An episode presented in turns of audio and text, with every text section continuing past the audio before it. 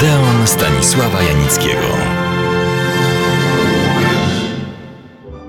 Pierwszym filmem Jerzego Kawalerowicza, w którym zademonstrował on w pełni swój fascynujący styl, był Pociąg. Ten film nie miał żadnych bezpośrednich związków z II wojną światową czy jakąkolwiek inną. Pozwolę sobie przytoczyć najpierw jej treść. Kupiony przypadkowo bilet na miejsce sypialne w pociągu z Warszawy na Hel łączy niespodziewanie młodą kobietę z nieznajomym mężczyzną. Marta, Lucyna Winicka, ma za sobą jakiś głęboki dramat uczuciowy. Jerzy, Leon Niemczyk, nie może się otrząsnąć po śmierci kilkunastoletniej pacjentki, samobójczyni na stole operacyjnym. Trzecią osobą dramatu jest chłopak, Staszek, Zbigniew Cybulski, zakochany w Marcie i podążający za nią, choć jak można się domyślać, ona traktowała ich związek tylko jako przelotny romans. Są tu jeszcze stary adwokat z młodą, kokietującą mężczyzn żoną oraz kierownik pociągu flirtujący z konduktorką oraz ksiądz.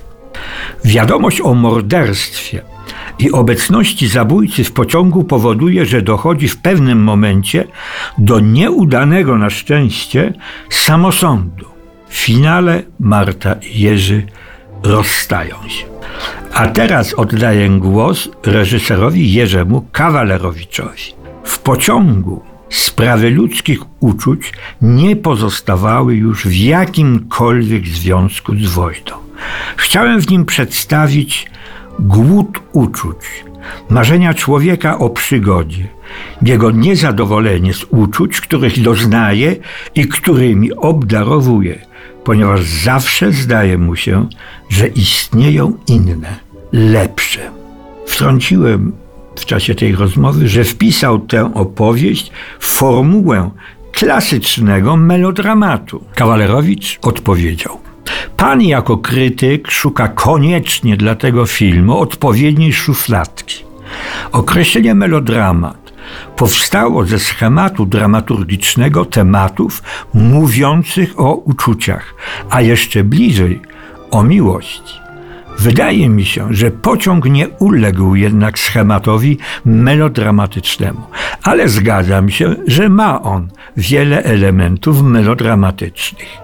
W pociągu rozbiłem, mówił Jerzy Kawalerowicz, jeśli tak można powiedzieć, historię jednego melodramatu na kilka osób.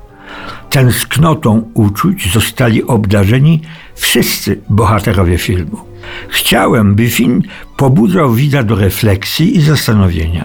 Odkrywał przed nim sprawy niewypowiadane, wstydliwie przemilczane. Film ten, nie tylko zresztą on, nie powinien skończyć się w kinie.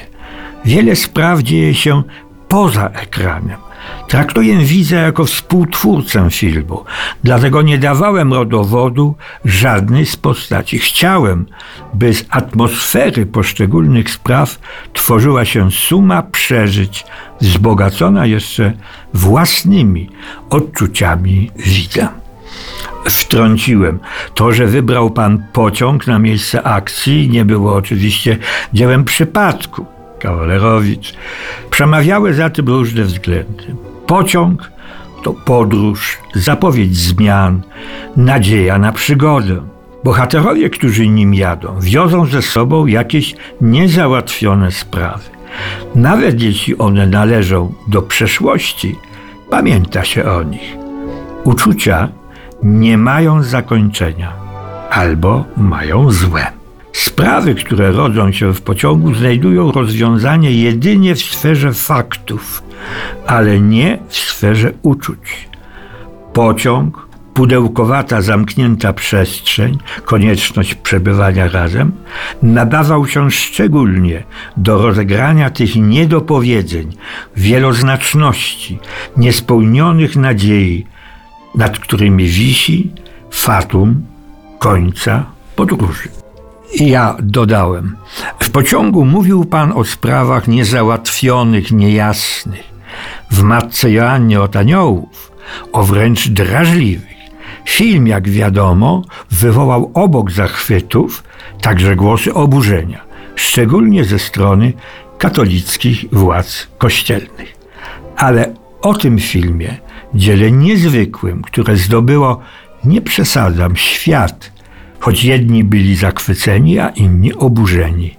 O tym filmie porozmawiamy oddzielnie za tydzień. Serdecznie Państwa do następny seans w Odeonie zapraszam.